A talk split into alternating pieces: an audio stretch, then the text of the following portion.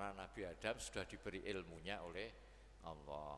Ini menunjukkan bahwa ilmu itu merupakan uh, apa kualitas seorang itu ditentukan oleh ilmunya. Jadi Pak Takwa sampean ngelola sekolahan, wah dunia saya pinter-pinter. Ora pinter, wong Islam bisa kalah. Padahal perintah Quran kuwi wong Islam kudu menang. Lah isone menang kudu kuat. Kuat itu antara lain yo duwe ilmu ilmu macam-macam ya ono ilmu agama ono ilmu umum ilmu umum itu bagi mana ono ilmu ekonomi ono ilmu fisika ilmu kimia wah macam-macam ilmu yang jelas umat Islam ini harus kita beri pendidikan supaya pintar-pintar nah, jenis sekolah ini menghasilkan anak sing apik tur pinter. Tapi pomone kok mau apik tok, ya wis mayan. Masih ora pinter. Jadi wis ora pinter, ndak ra apik. Kuwi wong tuwa sing nyekolahake lho anakku tak sekolah kayak pinter ya ora pinter, apik ya ora apik. Makanya setiap orang yang mengelola masalah pendidikan seperti saya, Pak Takwa itu punya kewajiban untuk uh, menyuguhkan suatu pendidikan yang bisa mengantarkan anak-anak menjadi anak yang baik. Kebaik anak yang baik itu tidak butuh modal. Tapi nak pinter butuh modal. Hmm, apa kan nak omong jujur. Jujur itu kan ndak ono biayane itu, kira gelem jujur apa ora. Terus orang sergap jamaah neng masjid. Ngono kuwi kan ya ora butuh biaya to. Gerek gelem nak rada ya nggo sepeda, mlaku, gerek gerek gerek gelem mangkat apa ora. Jadi kebaikan itu sebetulnya tidak perlu biaya. Tapi pinter, kuwi memang ana nih.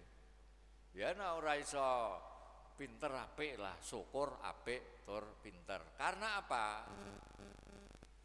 Karena lebih-lebih orang yang miskin itu sebetulnya untuk memutus mata rantai kemiskinan itu ya dengan ilmu, dengan mbahne miskin, pakne miskin. Nah iki nek anake ora dipinterke ya miskin meneh. Makanya bagi orang yang miskin kalau tidak ingin mewariskan kemiskinan kepada anak cucunya ya dipinterke. Ya. Nah, orang didit piye kanggo mondo? Golek to ngaji-ngaji sing gratis. Pak Haris nak ngaji, ngaji gratis to. Nah, sing sekolah bayar mungkin. Tapi nak terima ngaji-ngaji kan gratis. Golek ning kiai meneh gratis meneh. Maca buku-buku, kumpul karo wong pinter-pinter. Dan sekarang ini banyak beasiswa yang ditawarkan jadi untuk memutus mata rantai kemiskinan itu ya dengan ilmu. Dengan ilmu itulah Nabi Adam dihormati oleh malaikat-malaikat yang ada di surga. Nah, masih banyaklah kisah Nabi Adam itu kalau kita gali mutiara, kandungan, pelajaran yang ada di dalamnya.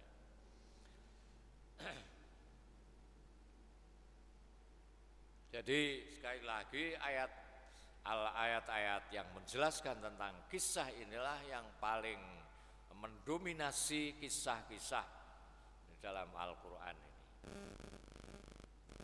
Nah, kisah Quran itu apa? Kisah-kisah Quran itu adalah pemberitaan Al-Quran tentang hal ehwal umat-umat dahulu dan para nabi serta peristiwa-peristiwa yang terjadi secara nyata.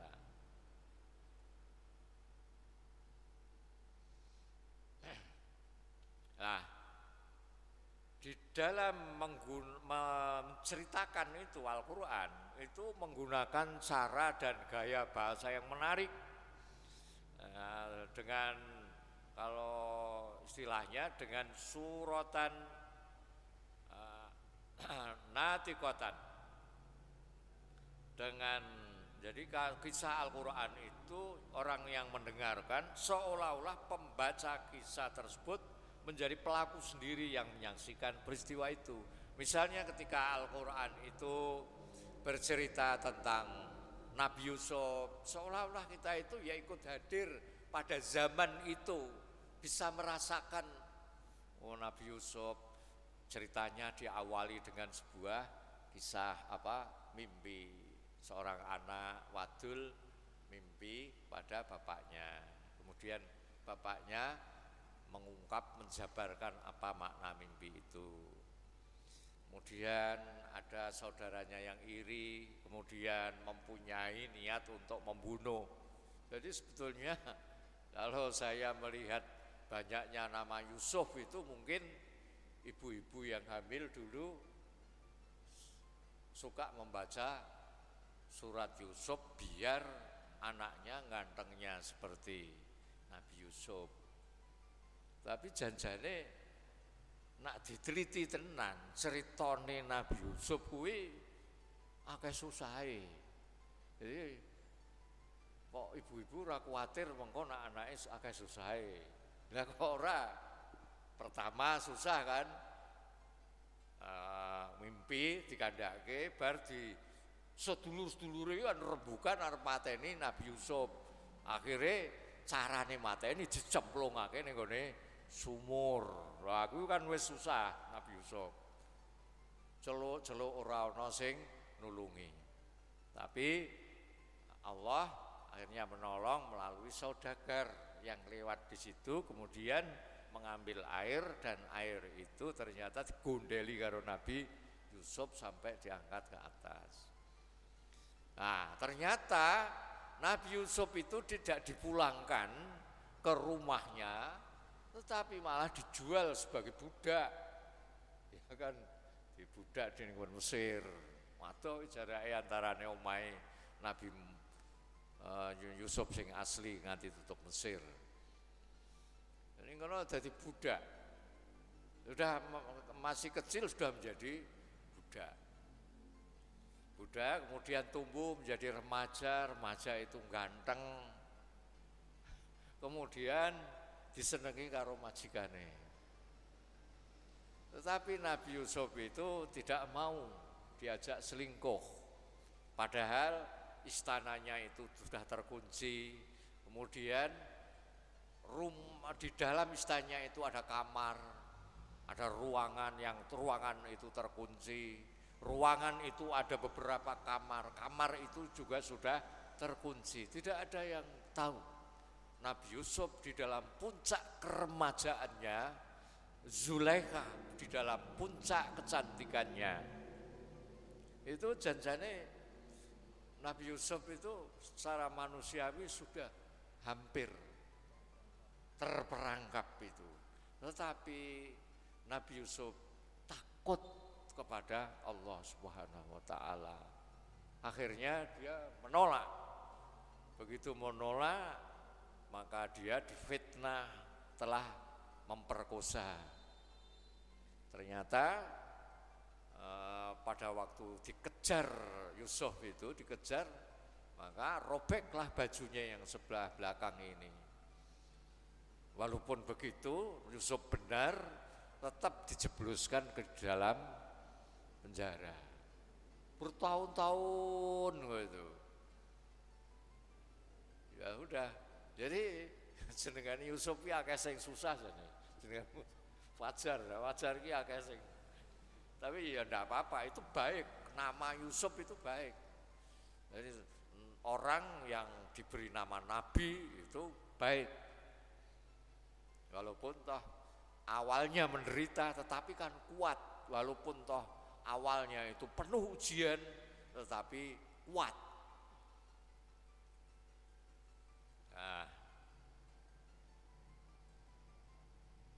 Itu cerita-cerita di dalam Al-Quran.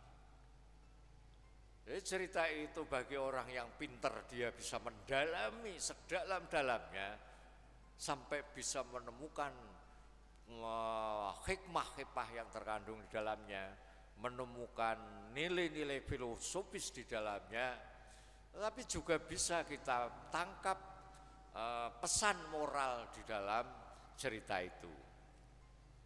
Nah, sebetulnya kalau berkaitan dengan cerita, umumnya itu mengandung pelajaran. Namun yang boleh dijadikan uh, sebagai pedoman itu hanya cerita di dalam Al-Qur'an. Ning cerita iki kan akeh to. Ana cerita novel, fiksi, ana biografi, autobiografi, manakib, siro, novel apa, uh, cerpen, kemudian dongeng. Banyak sekali kita jumpai gaya-gaya bercerita. Dan Al-Quran itu mempunyai gaya yang luar biasa indah, tidak hanya di dalam susunan kalimat-kalimatnya, bahkan perkosa kata itu loh, itu sangat indah. Sayang kita tidak mengerti tentang ilmu balaghah, eh, sehingga kita tidak bisa menangkap gurihnya ayat-ayat Al-Quran itu. Kalau orang pernah belajar ilmu balaghah itu bisa merasakan ada zauk uh, apa uh, kelezatan kalimat per kalimat di dalam Al-Qur'an. Ayat demi ayat per itu orang merasakan Bahkan kalau sekarang kan yang dirasakan itu lagunya untuk orang Indonesia. Wah lagu ini apa namanya sahdu lagunya ini uh, membuat hati khusyuk, membuat hati gampang menangis dan lain sebagainya. Sebetulnya uh, mukjizat Al-Qur'an itu tidak terletak di dalam melakukan, tetapi di dalam struktur kata-katanya. Sehingga Al-Quran itu satu-satunya kitab suci yang berani menantang umat manusia sepanjang zaman. Kowe nak rak percaya Al-Qur'an iki saka ngene Gusti Allah, gawe sak surat wae. Itu tantangan sejak zaman Nabi Muhammad sampai kiamat. Itu tidak ada yang berhasil. Saking indahnya Al-Qur'an itu. Pono kita beliau sing lantang-lantang ono. Jadi mukjizat para nabi itu sudah tidak ada yang bisa kita lihat. Tongkat Nabi Musa itu tinggal ceritanya yang diabadikan di dalam Al-Qur'an. Cerita tentang Nabi Ibrahim dibakar kita nggak bisa melihat. Cerita tentang lautan yang dibelah oleh Nabi Musa dan seterusnya itu udah tidak bisa kita saksikan. Satu-satunya mukjizat uh, para nabi yang masih bisa kita lihat sekarang kemukjizatannya adalah Al-Qur'an. Itu narangandel Al-Qur'an merupakan bukti kerasulan Muhammad. Yang gawe buku sing kaya Quran. Yo isine api, yo susunan kata-katane api, yo nilai sastranya juga tinggi, yo juga semangat dinamikanya uh, apa ini isi itu juga terasa. Nak kowe ra iso gawe dhewe, njaluka tulung karo wong sak donya sing ahli bahasa kon gawe sak surat wae. Lah nek kowe sak wong sak dunya ora iso mampu njaluk tulung karo setan utawa jin. Kon gawe. Itu tantangan Al-Qur'an. Siapa pun masih terbuka untuk menjawab ini. Ternyata tidak ada. Inilah yang menyebabkan seperti uh, apa orang-orang kafir itu masuk Islam Itu karena gagal uh, apa namanya membuktikan kelemahan Al-Qur'an. Seluruh yang diceritakan Al-Qur'an adalah benar adanya. Diceritakan diceritakan dengan bahasa yang indah, api. Lain dengan cerita-cerita yang mungkin mempunyai tujuan pengajaran. Tapi kayak ning Jawa ki ana dongeng, ana mitos, ana legenda dan lain sebagainya. Itu banyak itu ya ada yang berisi cerita. Tapi cerita-cerita itu kebanyakan dikemas karo weden-weden, karo hal-hal yang tidak masuk akal, karo uh, ya kak ya kita kaya donga dengan Joko Tarub ana meneh Dewi Sri ana meneh donga napa kuwi? Terus disajeni. Ya itu nah, bagaimana kisah Al-Quran itu oh, sikap kita sikap kita itu bagaimana? Kita harus yakin bahwa apa yang diceritakan oleh Al-Quran itu adalah benar adanya. Kowe kudu yakin Quran sing cerita ki mesti bener. Nak ora yakin berarti iman kita itu rusak. Batal iman. Orang salah satu yang membatalkan iman adalah ragu-ragu isinya Al-Qur'an. Nah ini Al-Quran itu harus kita yakini termasuk hal-hal yang berkaitan dengan cerita-cerita itu. Kemudian uh, sak ngisore kisah Al-Qur'an itu no sirah. Sirah itu adalah apa? rekaman seluruh mata rantai perjalanan Nabi Muhammad. Eh, Nabi Muhammad itu telusuri mulai sebelum lahir, setelah lahir, sampai kemudian meninggal. Nah, kemudian dari surah itu kita bisa mempunyai suatu gambaran tentang sosok Muhammad itu seperti apa. Kita mempunyai gambaran tentang pribadi Nabi Muhammad itu seperti apa.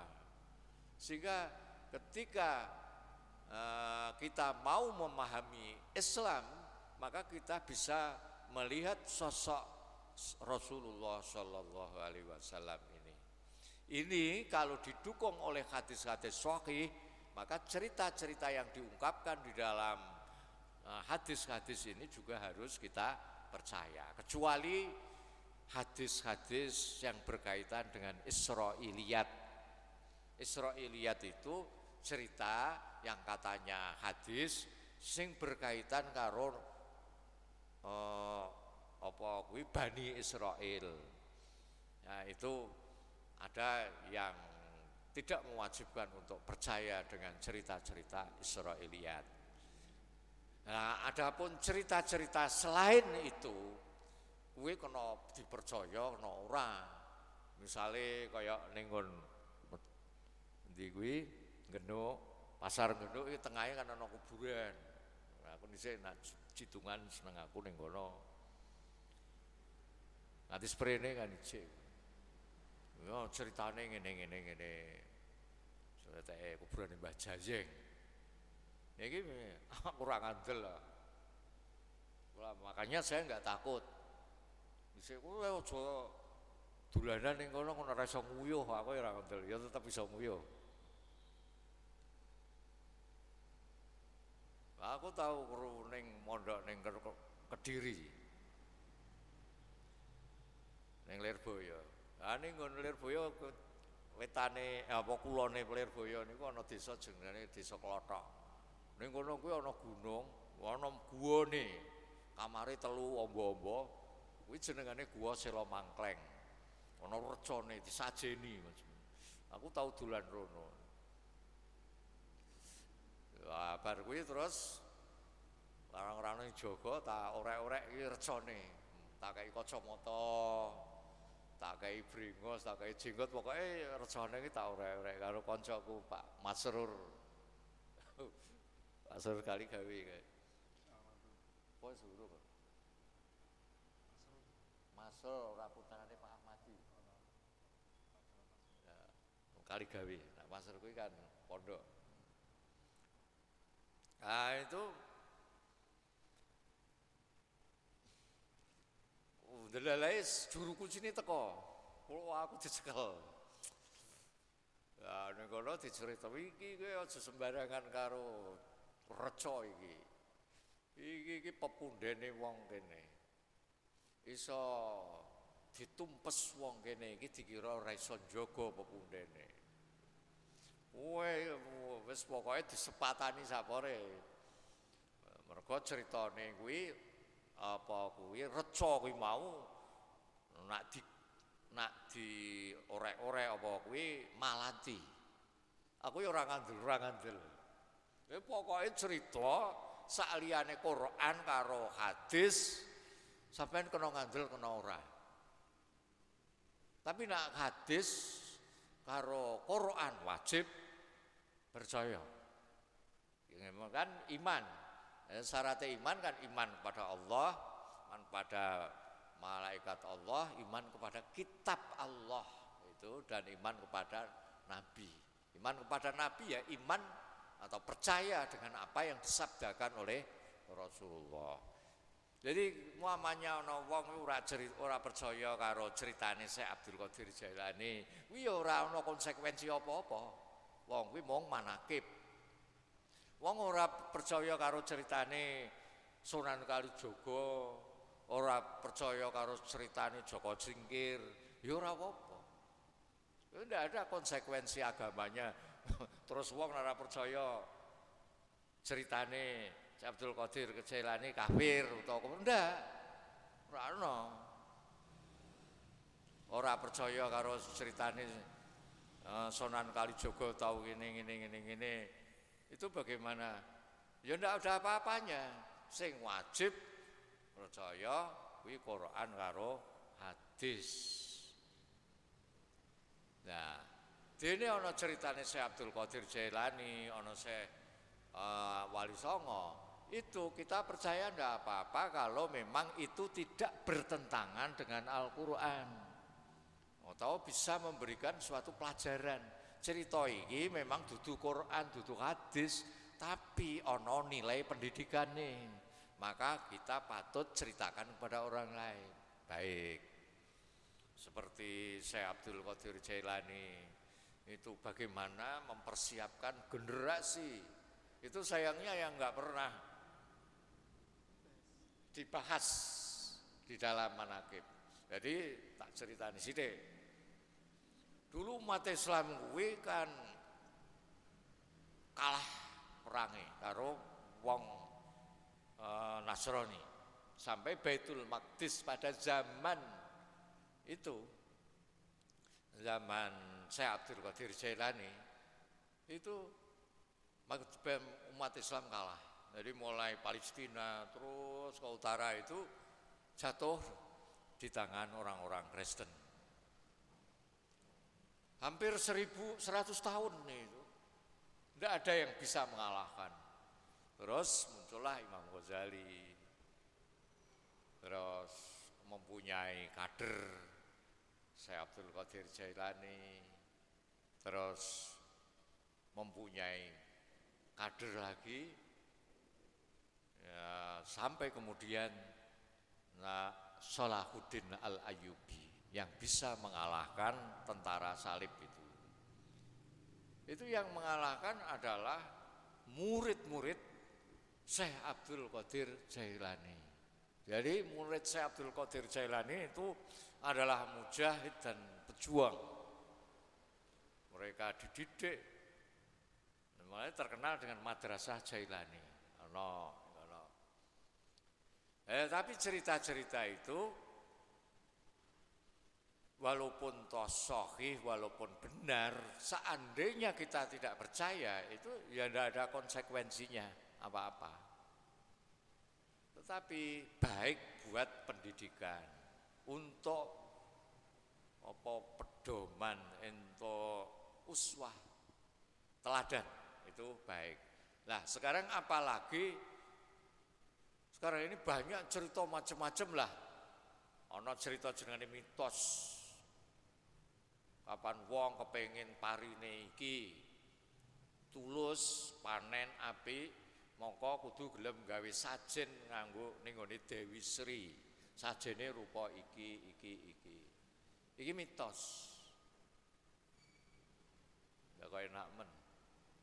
Sekarang sekarang enggak kepengen tulus ya kudu pakai pupuk ini, pupuk ini, pupuk ini. Kalau enggak ada pupuknya ora iso subur.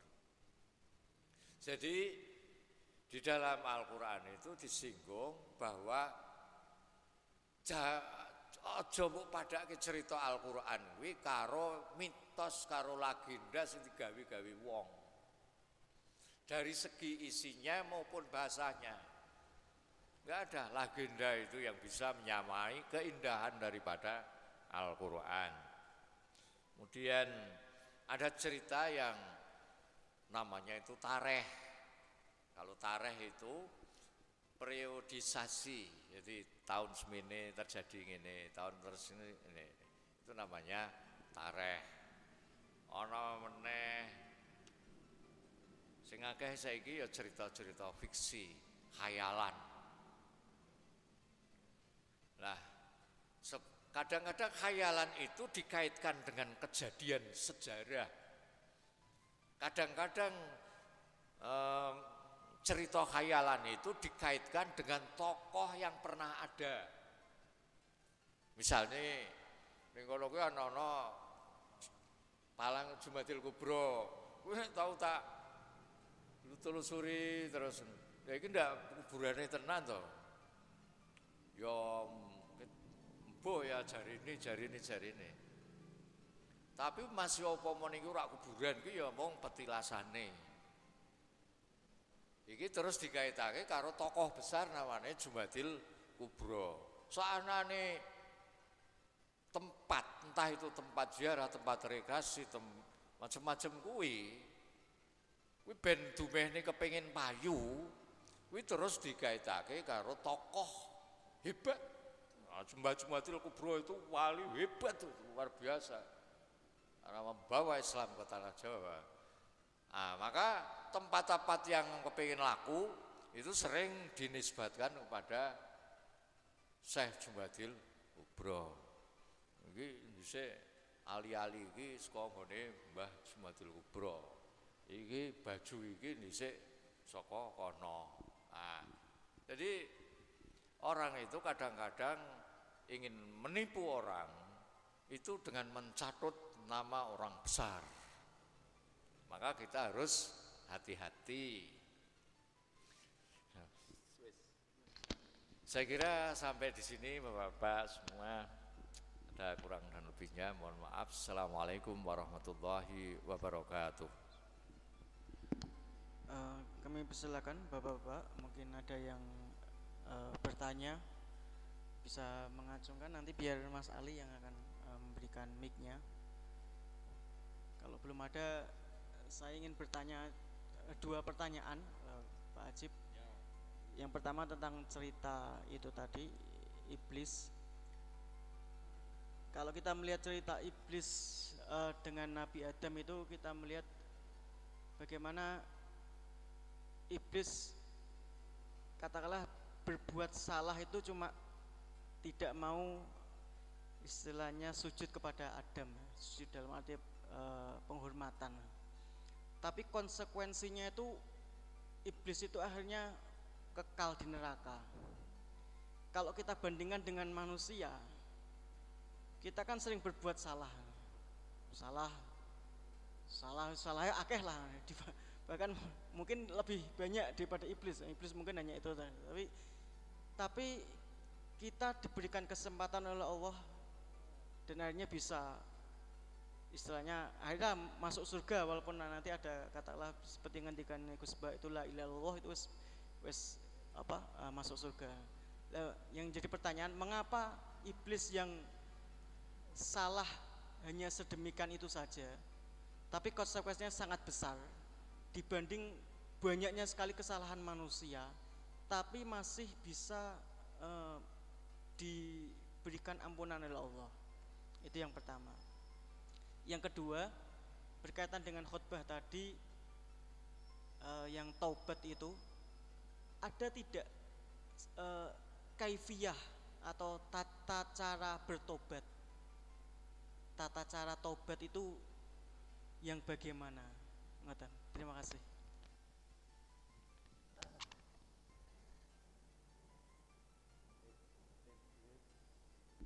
Iblis salai mung sitik tidak mau sujud pada Adam. Itu artinya bangkang karo Gusti Allah. Ngono. Bangkang itu didorong oleh rasa takabur. Bisa saja takabur itu juga dicampuri dengan iri.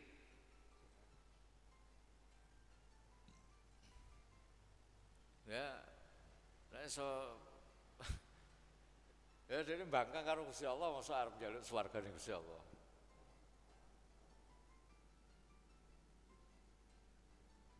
Jadi kurang apa nih si iblis ini wis dialog dhewe karo Gusti Allah lho ya. Ada nak ning lima mana ta'an juga li Adam apa yang menghalangi engkau iblis untuk sujud kepada Adam? Itu kan Allah bertanya ya. Terus kemudian si nah, iblis itu menjawab halak tahu minatin wa tani minana. Engkau menciptakan aku dari uh, engkau menciptakan dia dari tanah sedangkan engkau menciptakan aku dari api. Itu kan artinya dia mengklaim lebih baik ciptaan atau asal usulnya itu daripada sehingga dosa apa sehingga uh, iblis itu kekal di dalam neraka adalah dosa takabur, iri hati, membangkang perintah Tuhan. Sama orang di dunia ini ketika telah melakukan itu ya akan kekal. Salahnya akih, tapi salah kan ono sing berat, ono sing ringan. Salah sing berat itu mengingkari adanya Allah, musyrik atau menyekutukan Allah, menganggap Allah itu mempunyai partner. Itu selain itu misalnya dosanya orang berzina walaupun berkali-kali itu lebih berat dosanya orang syirik, musyrik. Kena musyrik itu berarti menganggap selain Allah ada Tuhan lagi. Yang nganggap Gusti Allah Tuhan, tapi ono Tuhan meneh. Yang nganggap Allah itu sing membuat mati seseorang, tapi ono oknum lain yang bisa membuat mati seseorang. Itu namanya kan musyrik. Eh, jadi nak dikembalikan ya kepada kaidah sing sak mestine itu Ya, Allah itu yaf'alu ma yasha. Allah itu bisa melakukan apa yang dikehendaki. Ya kehendak Allah seperti itu. Seperti jawaban saya tadi itu sebenarnya hanya menduga-duga aja. Jawaban saya itu menduga-duga menolong ngono. Tapi aslinya ya begitulah Allah itu menghendaki. Sing tepat itu begitu. Karena alam ini mempunyai eh, nak menungso kan saat durungi disediani rokok karo swarga kan peraturan maine kan wis dikandake. Kowe kapan ngene ngene, kapan ngene ngene, kapan ngene ngene. Ya ibarat wong main bal-balan kuwi wis diterangke aturan bal-balane seperti gini. Nak kowe mbok cekel bali bakal ini ini. Sebetulnya Allah itu tidak bisa dikatakan Dolim, Gusti Allah kok dolim to, salah terima seket tahun. Tapi teh nyiksa kok sampai ribuan tahun. Kan ngono. Misalnya katakanlah umur manusia itu 75 tahun. Lantas dihitung dosa itu kan sejak umur 15 tahun, 75 diambil 15 kan masih 60. 60 tahun itu dosa terus kafir terus. Bar mati mlebu neraka. Nerakane khalidina fiha abada wa bi'sal masir selama-lamanya. Niku solo kok. Wong-wong iki kan wong salah 60 tahun toh. Kok teh nyiksa kok abadan abadi iki piye Ya memang begitu itulah kehendak Allah. Allah sebelumnya sudah memberitahu. Isuk ben kowe bakal mati. Jadi bar mati tak urip ki meneh. Nah wis urip meneh ki aturane iki ngene-ngene iki. Mulakno hati-hati ning urip ning donya iki. Mergo mengko aturane ngene. Nak kowe ora gelem manut aku, maka yang akan kamu terima itu seperti ini. Jadi Allah itu sebetulnya sudah fair sudah menjelaskan secara gamblang aturan aturan yang akan diterima oleh manusia setelahnya dia mati.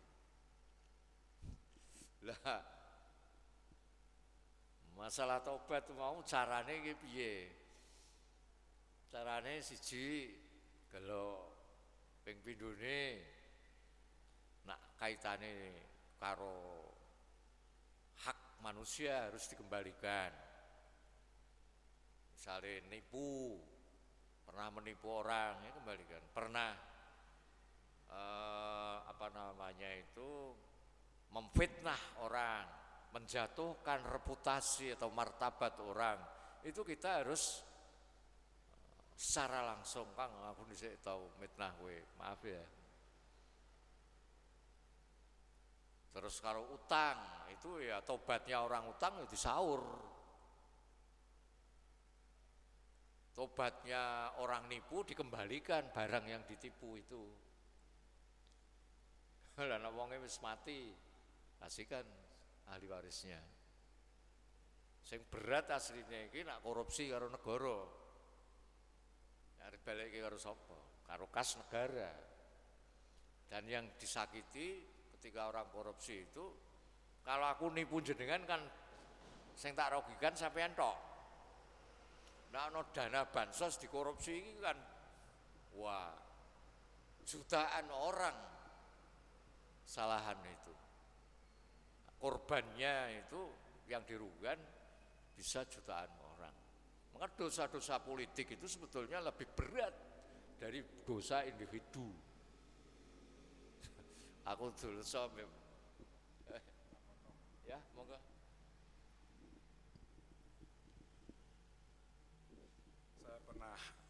Membaca bahwa dosa hakul adam itu seandainya orang yang kita zalimi sudah meninggal sementara kita belum bisa menyelesaikan hak-hak kita terhadap orang yang sudah meninggal itu ada solusi bahwa kita mesti harus banyak berbuat baik kepada orang yang belum sempat kita selesaikan urusannya. Misalnya kita mendoakan, kita sedekah untuk yang bersangkutan dan sebagainya dan sebagainya. Itu solusi Pak, itu solusi. Itu tanggapan Kak Ajib gimana. Kemudian tentang susunan kalimat demi kalimat Al-Quran itu, itu kan mukjizat memang tapi apabila kita berdoa, kita merubah ah, kalimat-kalimat uh, itu sesuai dengan kondisi di forum. Tapi merubah domirnya berubah dan sebagainya misalnya gitu. Yang pernah saya dengar bahwa kalau itu susunan sudah dari Al-Quran, jangan dirubah. Karena itu menghilangkan mukjizatnya. Demikian juga kalau seandainya doa itu dari hadis-hadis Rasulullah itu bagaimana? Monggo. masalah kaitannya dengan tobat itu solusinya orang-orang yang pernah kita ambil haknya itu ya antara lain seperti tadi yang disampaikan oleh Pak Takwa mendoakan bahkan kalau di masjid saya itu masuk membacakan istighfar kepada orang yang haknya itu kita ambil.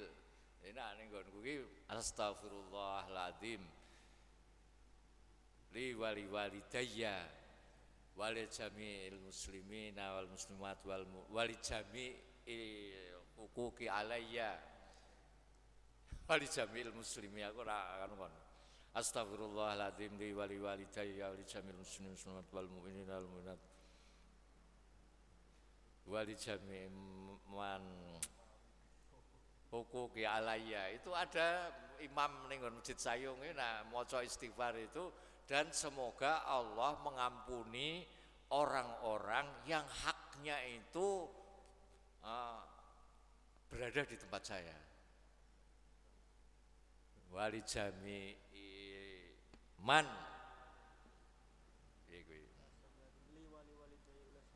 Nah itu kan untuk Astagfirullah wali wali tayya wali man wali wa ya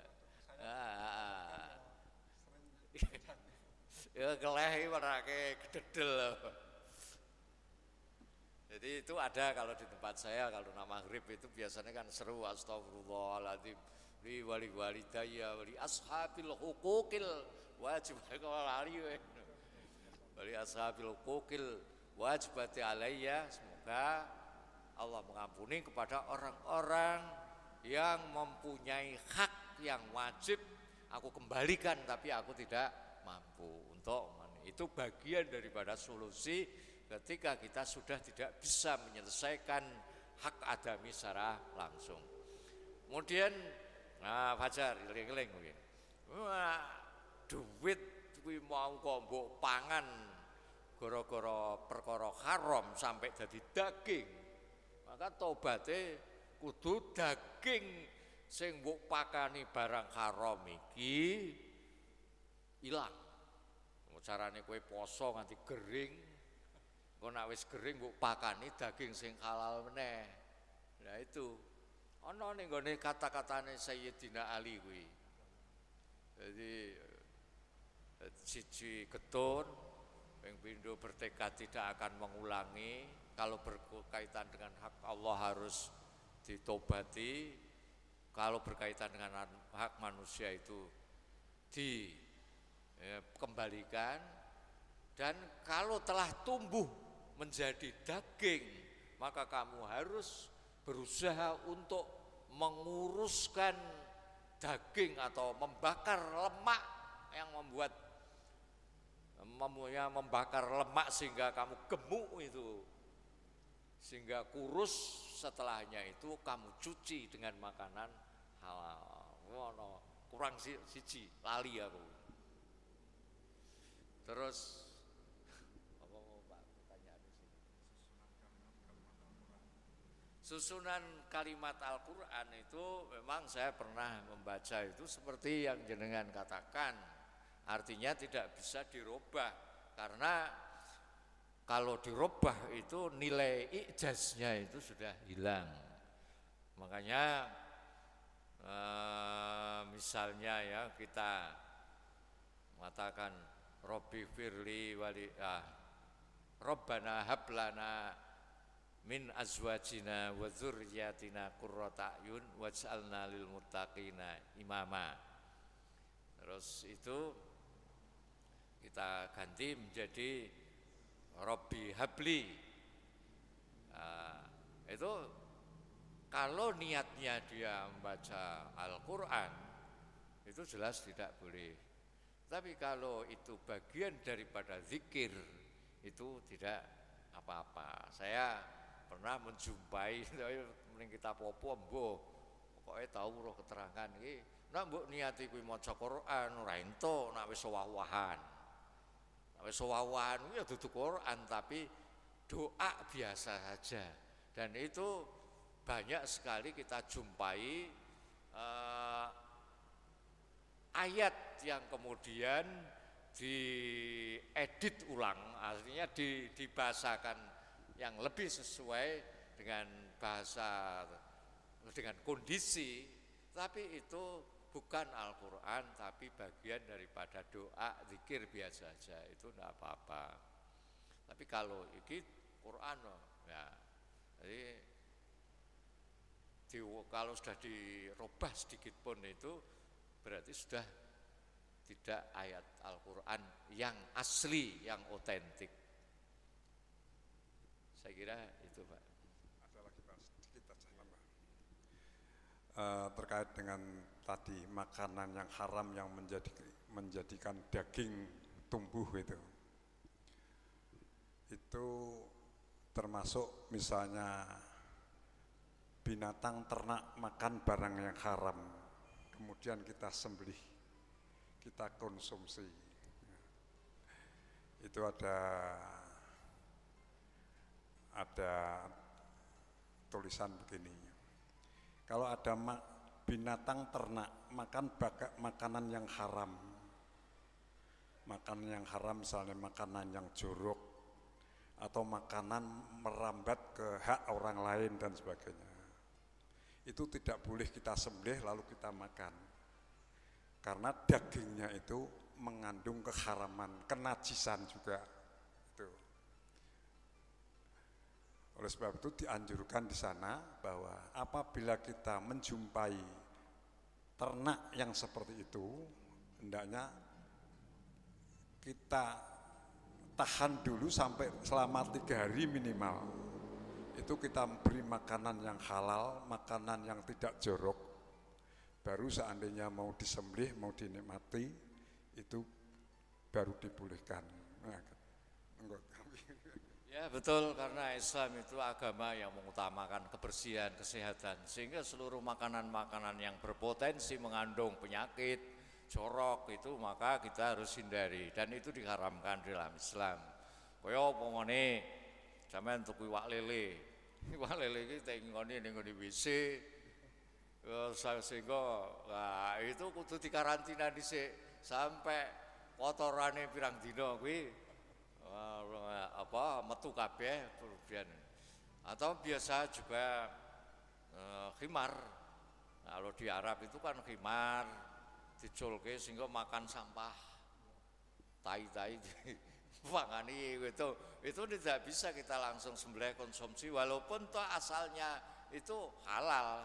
Tapi ketika kita akan mau makan ya uh, seperti itu. Islam mempunyai aturan segala sesuatu yang berpotensi merugikan kesehatan dan kebersihan orang mesti narak di makroke yo ya di haromke ya, itu cukup pak ini kesel saya kira sampai di sini Bapak-bapak mudah-mudahan sehat semua kita menjalankan ibadah puasa sampai akhir Ramadan. Amin.